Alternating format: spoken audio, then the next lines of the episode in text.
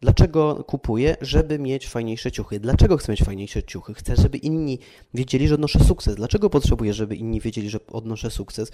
Ponieważ jestem osobą społeczną i zależy mi na ocenie innych. Dlaczego zależy Ci na ocenie innych? No bo Twoja na przykład y, wewnętrzna wartość y, zależy od innych osób. Jak odnaleźć się w finansach? Jak sprawić, by pieniądze służyły realizacji naszych celów życiowych? Na te oraz inne pytania odpowiadają goście podcastu Po ludzko o pieniądzach, którego partnerem jest General Investments TFISA i który mam zaszczyt prowadzić. Nazywam się Radosław Budnicki, na co dzień prowadzę podcast Lepiej Teraz i nie jestem internetowym guru zarabiania. Rozmawiam tylko po ludzku o pieniądzach z ekspertami, którzy zrozumiałym językiem tłumaczą zawiłości finansów i to, jak sprawić, by pieniądze nam służyły, a nie nami rządziły. Serdecznie zapraszam. Cześć Piotrze, witam Cię serdecznie w Po ludzko o pieniądzach. Cześć Radku, witam Państwa. Dzisiaj chciałbym z Tobą porozmawiać na temat neuronauki i informatyki, y, które wpływają na nasze finanse i w jaki sposób wpływają na nasze finanse osobiste. No ale zanim przejdę do podcastu, chciałem zapytać Cię, czym się aktualnie zajmujesz teraz y, zawodowo? Y, obecnie zawodowo zajmuję się nadal trochę psychologią, tylko w kontekście projektowania rozwiązań informatycznych. Obecnie jestem w spółce celowej Ministerstwa Finansów, realizujemy projekty informatyczne, mam zespół UX-owy, czyli staramy sobie się odpowiedzieć wspólnie na pytanie, jakie rozwiązania mogą nam pomóc w, w różnych kontekstach działalności całego ministerstwa, czyli projektujemy rozwiązania dla milionów ludzi, mm, ale i dla mniejszych grup oczywiście wewnętrznie, od takich rozwiązań e, typowo dla użytkowników e, podatkowych, czy, czy żeby się zalogować do EPIT-ów, czy żeby mieć e-urząd skarbowy. Teraz e, projektujemy rozwiązania do przejazdu autostradami polskimi. Zastanawiamy się, w jaki sposób pewne rozwiązania mogą pomóc użytkownikom i w tym środowisku, w którym się znajdujemy, jakie, jakie rozwiązania możemy wykorzystać, żeby ludziom było po prostu łatwiej, żeby mogli pewne rzeczy robić łatwiej, ale oczywiście też narzędzia wewnętrzne, które powodują, żeby, żeby urzędnikom było łatwiej robić różne rzeczy, no bo na końcu i tak bilans, mm, bilans i finanse w Ministerstwie Finansów są kluczowe, więc um, możemy rozmawiać dużo o finansach, może nie z takiego, e, tutaj e, robimy dużo w, tej, w tej branży robimy dużo związanego z finansami, może nie bezpośrednio taki e-commerce, ale wiele tych różnych tematów i problemów na co dzień e, rozwiązujemy. No i żeby rozwiązywać te problemy dobrze, to musimy wchodzić w głowę naszych użytkowników i projektować pod nich, tak żeby im było trochę łatwiej i przyjemniej. No dobrze, ale chcę, trochę chcę Cię zapytać przekornie, czy projektując rozwiązania IT e, manipuluje się decyzjami finansowymi użytkowników? Jak to się robi, jeżeli to jest w ogóle możliwe? Myślę, że zawsze. Myślę, że zawsze. Wiesz, że to jest trochę nieuniknione. Niestety tej etyki troszeczkę brakuje w projektowaniu rozwiązań informatycznych, e, no ale tak trochę to działa. Jesteśmy w jakiejś rzeczywistości mm, konsum, konsumpcjonistycznej, która jakby definiuje to, że musimy dokonywać różnych decyzji finansowych szybko i często, żeby ta gospodarka w jakiś sposób funkcjonowała, e, więc, więc jak najbardziej. E, pracowałem dla dużych e-commerce'ów, które w różny sposób namawiały użytkowników do tego, by kupowali czy funkcjonowali e, więcej, lepiej, szybciej i mieli mniej problemów. Mm, więc, więc jak najbardziej. Dzisiaj projektując, robimy przeróżne testy, różne, różne case'y, mm, e, różne przypadki, które, w których sprawdzamy, w jaki sposób ten użytkownik końcowy może mm, u nas kupować więcej i za większe kwoty. Więc jak najbardziej. To robi każdy sklep, a szczególnie teraz w obecnych czasach, kiedy troszeczkę mniej nas jest w offline, a więcej w online, no to zdecydowanie więcej tego się robi i więcej też budżetów mają firmy obecnie. Piotr, możesz podać przykład takich e, działań, na przykład, które są nieetyczne, który, o których słyszałeś? Czy znasz jakieś takie przykłady? Wiesz co, jest bardzo dużo takich działań nieetycznych, z którymi możesz spotkać się na co dzień, chociażby newslettery, z których nie możesz się wypisać. E, promocje, które nie do końca są promocjami, bo na przykład na końcu doliczana ci jest przesyłka, ty już się zgodziłeś na wszystko, jesteś przekonany i na końcu dowiadujesz się o jakichś dodatkowych ekstra kosztach. E, ukrywanie kosztów produktu, informowanie o tym, że jest na przykład VAT marża 0%, bo produkty są używane, co jest po prostu dzisiaj codziennością na Allegro przy kupowaniu telefonów. Trochę się już powoli z tym walczy. Jest codziennością e, ukrywanie przeróżnych rzeczy, uwypuklanie innych. Mamy też w głowie nasze błędy poznawcze, mm, czyli na przykład e, to, że my upraszczamy pojmowanie pewnych rzeczy, które dzieją się dookoła nas i dzięki temu na przykład, kiedy zaprezentujemy użytkownikowi trzy wartości cenowe, wielokrotnie pewnie spotkaliście się z tym, że jak macie kupić jakiś produkt cyfrowy online, na przykład jakąś subskrypcję, to macie trzy modele. Czy to będzie Netflix, HBO, czy jakikolwiek software, z którego można korzystać. To są trzy progi cenowe. Projektuje się je właśnie w ten sposób, żeby dać Ci cenę niższą, że chcesz trochę wyższy pakiet, ale w stosunku do tej najwyższej jeszcze trochę, trochę niższą, żebyś Ci było łatwiej dokonać tego wyboru. I nie pokazuje się na przykład większej ilości cen, właśnie dlatego, żebyś nie miał na przykład problemu z podjęciem decyzji i nie miał takiego kryzysu poznawczego pod kątem tego zbyt, wiele, zbyt dużej ilości bodźców. Więc na pewno to. Pokazuje się modeli i modelki w ubraniach w odpowiedni sposób, żeby, żeby bardziej docierać do użytkowników i uwypuklać pewne cechy. Więc jest tego, jest tego naprawdę, naprawdę dużo.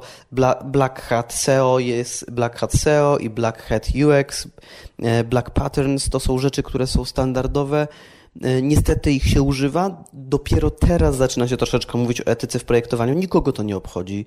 Nikogo to nie interesuje, że namawiamy ludzi na kupowanie produktów, których oni nie potrzebują w tych e-commerce'ach takich komercyjnych.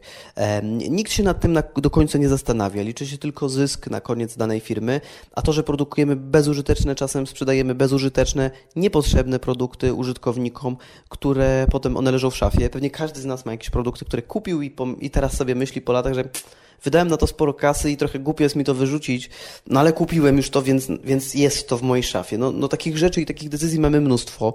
Nasza szafa z ubraniami jest przykładem takich rzeczy, które właśnie e, są przykładem tego, że kupujemy czasem rzeczy, których nie do końca potrzebujemy, a na to wpływa właśnie e, projektowanie odpowiednich rozwiązań. No i e, nawet kiedy wiesz, na przykład z mojej perspektywy, ja jakby zajmuję się tymi rzeczami od dłuższego czasu, potrafię je, je projektować, potrafię nimi zarządzać, zastanawiać się nad tym, jakby jak, dokręcać pewne śrubki w, w kontekście użytkowników. E, uzależniać ich za pomocą pewnych procesów, bo na przykład social media e, też, e, też się płaci, tylko płaci się swoją osobowością. Jeżeli coś jest za darmo, to znaczy, że ten serwis sprzedaje użytkowników, czyli nas wszystkich. Ale wracając do tego, że biorąc pod uwagę, że potrafię to projektować, to nie jestem w stanie się oprzeć większości tych rzeczy, które tam po prostu są. To, to jest naturalne. Można by nawet wrócić do Kahnemana i do, mm, do konceptu, wiesz, szybkiego i wolnego myślenia.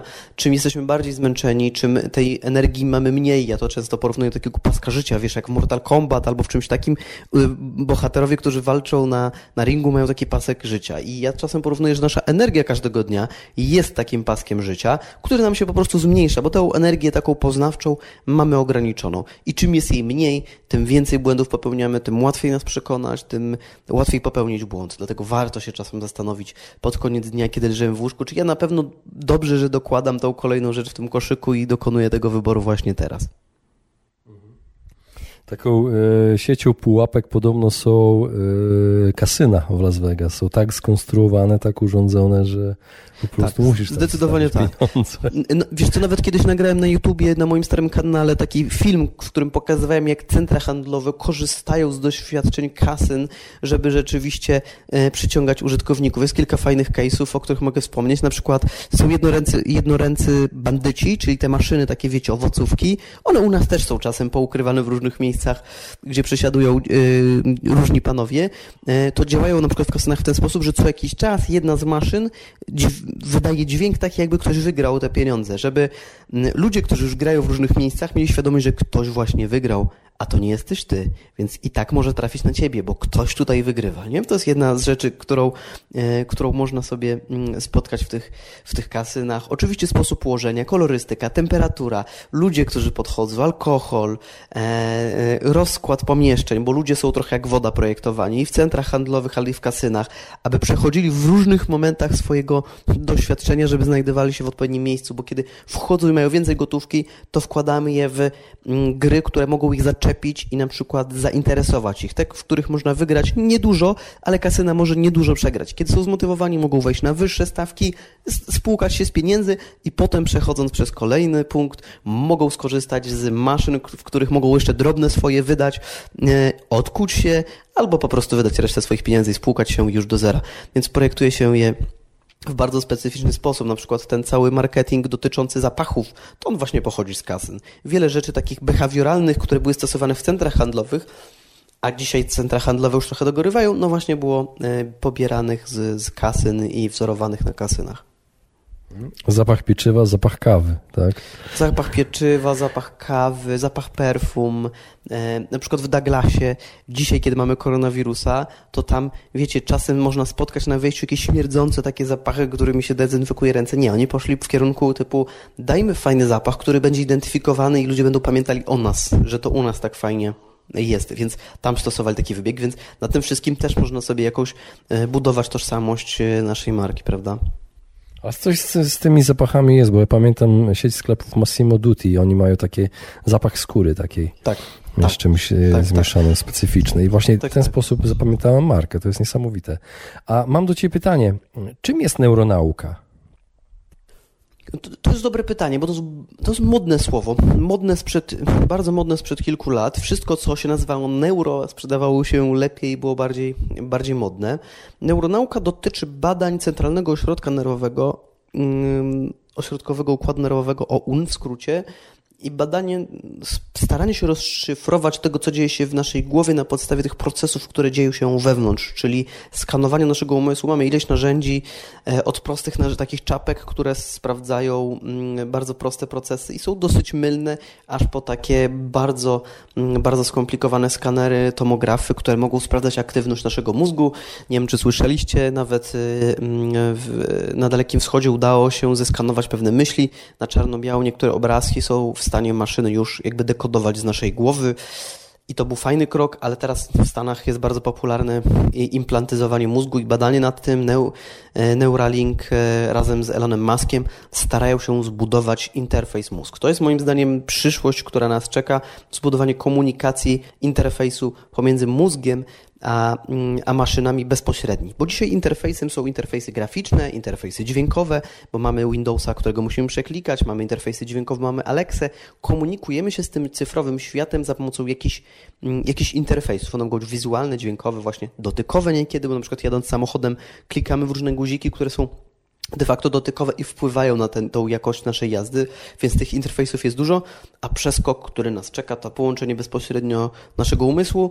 Dzisiaj e, są ogromne środki inwestowane w to w różnych ośrodkach badawczych i ogromne pieniądze w Chinach na to, żeby zdekodować to, jak działa nasz umysł.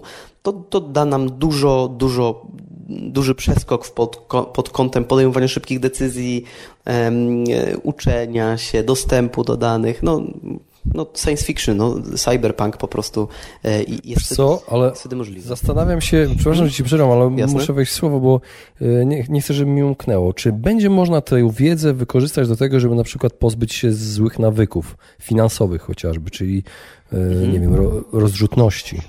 Chociażby. Wiesz co, jeżeli, to, bo to jest narzędzie, jeżeli mądrze je skonstruujesz i będziesz mądrze z niego skorzystał, to na pewno tak. To jest trochę jak z internetem. W internecie możesz nauczyć się stoicyzmu, możesz nauczyć się minimalizmu, możesz nauczyć się kontrolować się, możesz nauczyć się nowych języków, nauczyć się nowych umiejętności. A z drugiej strony możesz zmarnować sobie życie, grać na kasynie,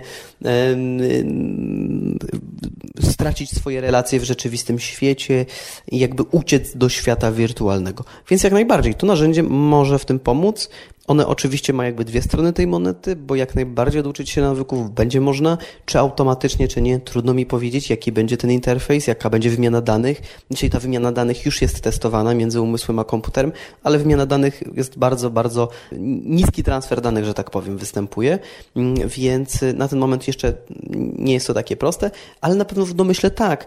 Oczywiście w czarnym scenariuszu, biorąc pod uwagę, jeżeli mamy z tyłu głowy Chiny, które teraz planują ogromny przeskok technologiczny i ogłosiły Mm, chyba 3 czy 2 miesiące temu, że e, przestawiają gospodarkę na gospodarkę technologiczną, no to można mieć obawy, do czego oni mogą to wykorzystać na przykład. Bo dlaczego by nie skanować ludzkich myśli i zastanawiać się, jak w raporcie mniejszości, co ludzie mogą zrobić na podstawie tego, co sobie myślą.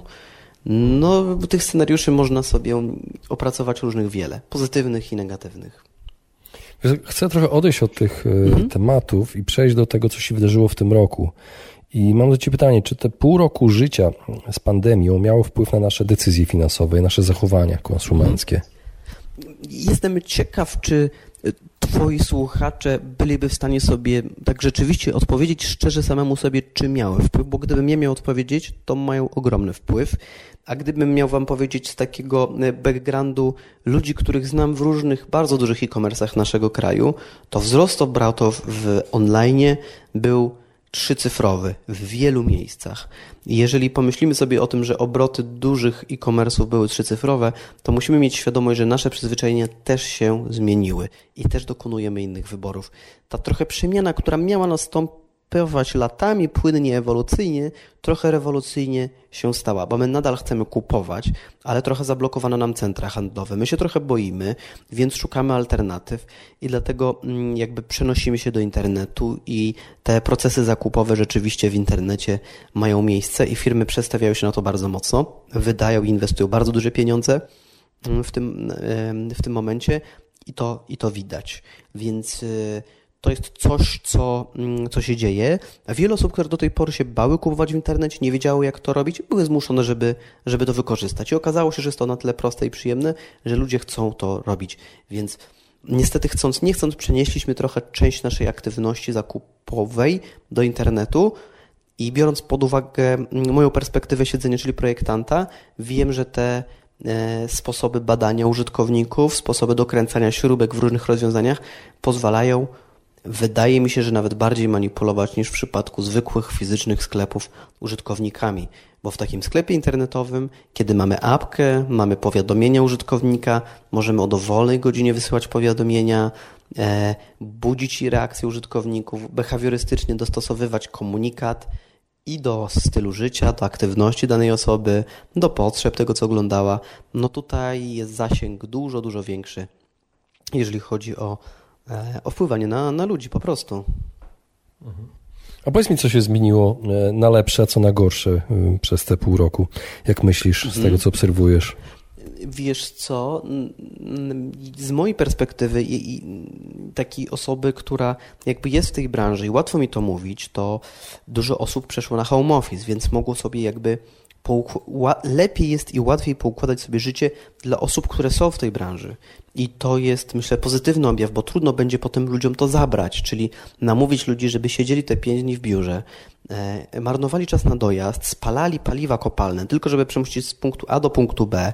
Ja zauważyłem na przykład u mnie i po moim zespole, że mimo, że my de facto spędza, wyko, wykonujemy zadania mniej czasu, bo nie musimy dojeżdżać, e, gadać z ludźmi, e, poświęcamy de facto na pracę z, z, perspektywy całego dnia, to nasza wydajność bardzo wzrosła, bo my nie poświęcamy czasu na kawki, spotkania, z, gad, gadki na korytarzach, więc e, wśród odpowiedzialnych osób ta ta, e, ta wydajność bardzo wzrosła i to mnie, to mnie bardzo cieszy, bo to jest fajny objaw, który przekona wielu przedsiębiorców do tego, że warto robić takie rzeczy w niektórych branżach, ale oczywiście ma też multum negatywnych, negatywnych środków, e, negatywnych skutków. Łatwo to mówić z perspektywy osoby, której, której dotyka jakby tak w niewielkim stopniu, ale wiele biznesów upada, wiele osób będzie traciło pracę. Są biznesy, o których nawet nie myślimy, takie na przykład jak kantory, które za chwilę będą zamykane. Wiele biznesów zostanie zamkniętych z tego powodu, co się, co się wydarzyło, i wiele osób trafi na rynek pracy co może być też szansą dla przeróżnych systemów szkoleniowych, e-learningów, wideo, kursów, konferencji online'owych i szkoleń, bo my musimy się szybko przestawić na naukę zdalną, na dostosowywanie swoich kompetencji do tego, co jest potrzebne na rynku, bo niestety jakaś gałąź naszej gospodarki przestała, przestała istnieć. Więc z pewnej perspektywy można znaleźć tu okazję, a z drugiej strony pewne, e, pewne negatywne mm, reperkusje tego wszystkiego, co, co rzeczywiście dzieje się dookoła, dookoła nas. No zawsze tak jest, że na kryzysach każdy, są osoby, które potrafią zarobić, a wiele osób po prostu traci. I raczej tak bym na to patrzył, że niestety więcej osób będzie odczuwała przez jakiś czas negatywne skutki, a część osób będzie potrafiło sobie świetnie się w tym wszystkim odnaleźć, szybko się przebranżowić e, i, i, i łatwo i szybko zmienić swoje, swoje życie. No ale zawsze tak było. Mhm. Wiesz co, tak się zastanawiam w tej, w tej sytuacji, w jaki sposób y, możemy wpływać na nasze emocje, bo na pewno jest to bardzo emocjonalna, emocjonalna sytuacja.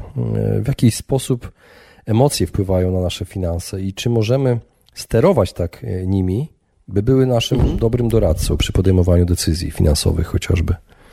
Tak, emocje są bardzo ważnym, kluczowym czynnikiem pod kątem podejmowania decyzji, jeżeli chodzi o to. Wspominałem na początku o tym takim pasku życia e, Kahnemana, że mamy pewną uwagę, którą, energię, którą poświęcamy na, na uwagę, na takie wolne myślenie, na podejmowanie rozsądnych decyzji. Czym jest jej mniej, tym jest je podejmować trudniej. I wzburzenie emocjonalne niestety jest jednym z tych czynników, które uniemożliwia podejmowanie, utrudnia podejmowanie racjonalnych decyzji mm, i, i warto mieć tego świadomość i uczyć się ich panowania. Wydaje mi się, że taką mm, jedną z, jeden z ważniejszych czynników jest po pierwsze umieć sobie wyłączać ten komputer i rzeczywiście wyłączać się od miejsca pracy. Niestety mi również się zdarza czasem pracować do późna i na przykład y, robić obiad, y, bawić się z córką, rozmawiać z żoną, a z drugiej strony patrzę, wpada wieczorem jakiś mail z pracy, na który odpowiadam. Niepotrzebnie. Niepotrzebnie, bo musimy umieć stawiać sobie granice, to raz. A dwa, no musimy uczyć się panować nad naszymi emocjami. Wydaje mi się, że to jest taka trochę zapomniana umiejętność, bo w latach 90. byliśmy zachłysnieni tym, żeby szybko się dorobić, żeby zarobić, żeby pracować jak najwięcej. Dzisiaj już ten komfort życia nasz się podniósł i powinniśmy rzeczywiście zadbać o swoje emocje. Ileś samobójstw w naszym kraju dobitnie pokazuje, że to jest jakaś część naszego życia, która niestety nie jest dobrze okiełznana. Jeżeli weźmiemy pod uwagę, że odcięliśmy wiele naszych społecznych takich relacji poprzez koronawirusa, no to rzeczywiście mm, problemy związane z samooceną, z korzystaniem właśnie z wizualnych social media typu Instagram będą zmniejszały naszą samoocenę, co będzie nas wpędzało w różne stany, które nie są do końca pożądane i mogą prowadzić do negatywnych konsekwencji. Jednym z, z ciekawszych narzędzi, które moim zdaniem warto sobie spróbować każdy w swoim życiu, jest, jest, są techniki mindfulnessowe, które pozwalają troszeczkę zwolnić, troszeczkę odpocząć. Są naukowo udowodnione, że e, w pewnym stopniu potrafią pomóc, szczególnie kiedy tych emocji jest za dużo. I to bym każdemu polecał, żeby sobie spróbował. No tak, ale są osoby, które e, poprzez emocje starają się stłumić, pacyfikując się na przykład zakupami. I, tak, oczywiście. E, I jak e, wykorzystać emocje, żeby przestać trwonić pieniądze na głupoty więcej oszczędzać. Mhm. Wiesz co, myślę, że pierwszą rzeczą, którą musisz zrobić, to sobie uświadomić te swoje procesy, które są. Musisz usiąść sam z sobą i zastanowić się, dlaczego ty kupujesz, nie? po co ja właściwie kupuję kolejną koszulę, sukienkę, bluzkę, komputer, jakkolwiek, dlaczego ja to robię. I trzeba sobie odpowiadać tak długo, trzeba zadawać sobie to pytanie, dlaczego, dlaczego kupuję, żeby mieć fajniejsze ciuchy. Dlaczego chcę mieć fajniejsze ciuchy? Chcę, żeby inni wiedzieli, że odnoszę sukces. Dlaczego potrzebuję, żeby inni wiedzieli, że odnoszę sukces? Ponieważ jestem osobą społeczną i zależy mi na ocenie innych. Dlaczego zależy ci na ocenie innych? No bo twoja na przykład y, wewnętrzna wartość y, zależy od innych osób. A dlaczego twoja wewnętrzna wartość zależy od innych osób, których na przykład nie znasz? Y, warto sobie tak głęboko zadać to pytanie, aż, aż nie będzie człowiek w stanie odpowiedzieć na, na kolejne z nich. E, wtedy pozna się samego siebie trochę bardziej, trochę, mm, trochę się zrozumie, dlaczego to wszystko tam, tam jest. I od tego bym zaczął, żeby zadawać sobie pytanie, dlaczego ja to robię, dlaczego to, to, to jakieś takie może destrukcyjne, może kompulsywne rzeczy w moim życiu się pojawiają. Dlaczego to robię? I wtedy jak zrozumiem powód, i to może na przykład być powodem, może być to, że na przykład chcę się przypodobać społeczeństwu, bo czerpię z tego e, poczucie bezpieczeństwa, bo jestem częścią jakiejś e, zbiorowości, to dopiero daje nam informację zwrotną, dlaczego ja to kupuję i czy to jest dobra droga, żeby to osiągnąć, czy nie ma innej, zdrowszej drogi, albo czy to dobrze, że ja próbuję osiągnąć właśnie tą satysfakcję za pomocą społecznej akceptacji na przykład, bo potrzebuję tysiąca lajków, czy to jest dobre. Kiedy mm, jakby zaczniemy sobie rozkładać to na jakby czynniki pierwsze, to wtedy łatwiej będzie nam szczerze podjąć decyzję o tym, czy chcę to dalej robić, czy nie. Bo bez poznania siebie to jest trochę tak, jakby faszerować się ta, y, lekami przeciwbólowymi i nie wiem trochę, co mi tam w środku dolega. Nie? Ja, możemy próbować jakby mm, leczyć efekty, ale wa warto wejść w głębiej i zrozumieć siebie, bo wtedy jesteśmy w stanie trochę bardziej się przemodelować. I jest szansa, że ta zmiana będzie głębsza, będzie bardziej stała i i, a czasem takie poznanie siebie jakby i, e, i pewne zmiany potrafią zmienić naszego jakość życia i dać nam troszeczkę więcej szczęścia. Więc zamiast prostych narzędzi, jak sobie tam życie poukładać, szedłbym w kierunku poznania samego siebie mm, i, i w tym kierunku. Oczywiście są narzędzia, które mogą pomóc nam, jak konsul, kompulsywnie nie kupować. Na przykład, jeżeli zakup jest powyżej 100 zł, to na przykład odkładać go na 2-3 dni. Wtedy emocje troszeczkę opadną. Albo na przykład e, za każde 100 zł, które muszę wydać, na przykład dokładamy 3 dni, zanim to kupię. Czyli na przykład, jeżeli komputer kosztuje 1000 zł, no to za każde 100 zł 3 dni, no to miesiąc muszę odczekać, zanim go kupię. Jeżeli po tym miesiącu nadal chcę go kupić, to znaczy, że jakieś tam motywacje istnieją. Jest, jest wiele narzędzi, które mogą nam właśnie właśnie w tym pomóc. Zmniejszenie limitu na karcie, nieposiadanie karty kredytowej, korzystanie z gotówki, e, wyłączanie smartfona, nie korzystanie z niego w każdym aspekcie naszego życia, no bo to też jakby pozwala e, różnym źródłom docierać do nas i motywować nas do kolejnych zakupów. Rezygnowanie z serwisów takich jak Ceneo, Pepper i newsletterów, które cały czas nas atakują, to na pewno pomoże trochę ograniczyć ten nasz pęd do kupowania rzeczy ładnych i fajnych, które nam są niepotrzebne. Piotrze, lepiej nie można było zakończyć tego wywiadu. Bardzo dziękuję za tą serię, szczególnie tych pytań, które warto sobie zadać e, chociażby przed wejściem do sklepu albo dokonaniem zakupu. Tak. Według mnie każdy z nas powinien ten fragment przewinąć i sobie na spokojnie je przepisać na kartkę i nosić w portfelu razem z gotówką i kartami. Dzięki, że mogłem być z Wami. Mam nadzieję, że jeszcze się usłyszymy. Dziękuję Ci bardzo. Dzięki, do usłyszenia. Właśnie wysłuchaliście podcastu Po ludzku o pieniądzach. Mam nadzieję, że Wam się podobało. Jeśli tak, poświęćcie swój czas, proszę pozostawić swoją recenzję na Apple Podcast. Jeżeli macie pytania lub propozycje dotyczące kolejnych audycji, piszcie do mnie na fanpage'u Po ludzku o pieniądzach i do usłyszenia następnym razem. Pozdrawiam serdecznie.